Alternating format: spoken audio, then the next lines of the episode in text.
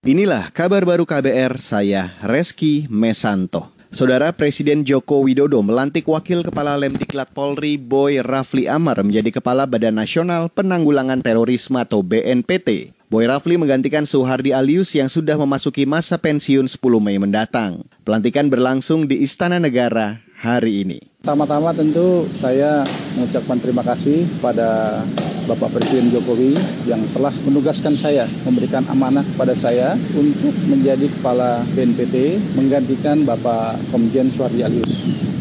Sebelumnya, Boy Rafli Amar menjadi Wakil Kepala Lemdiklat Polri. Boy menegaskan saat ini sebagai Kepala BNPT, ia masih sebagai Jenderal Bintang 2. Perusahaan farmasi milik negara yaitu Kimia Farma dan Indofarma akan memproduksi tiga jenis obat untuk perawatan pasien COVID-19.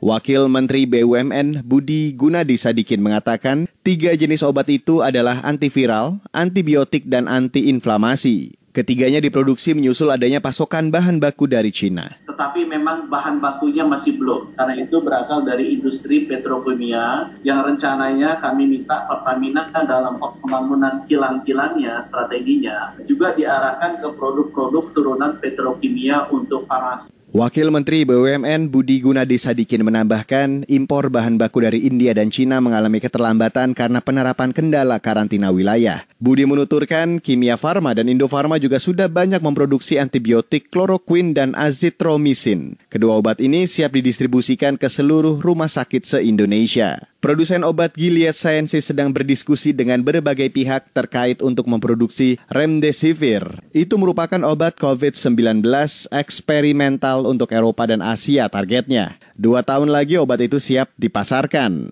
Pekan lalu, Gilead menerima otorisasi penggunaan darurat dari Administrasi Makanan dan Obat Amerika Serikat untuk menggunakan Remdesivir sebagai pengobatan COVID-19.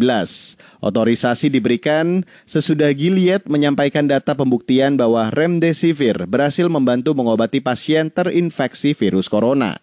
Gilead menyebutkan saat ini sedang merundingkan lisensi jangka panjang dengan produsen obat generik di India dan Pakistan untuk memproduksi Remdesivir. Sementara itu salah satu pembuat obat terbesar di Bangladesh yaitu Beximco Pharmaceuticals sudah akan memulai memproduksi Remdesivir bulan ini. Demikian kabar baru KBR saya Reski Mesanto.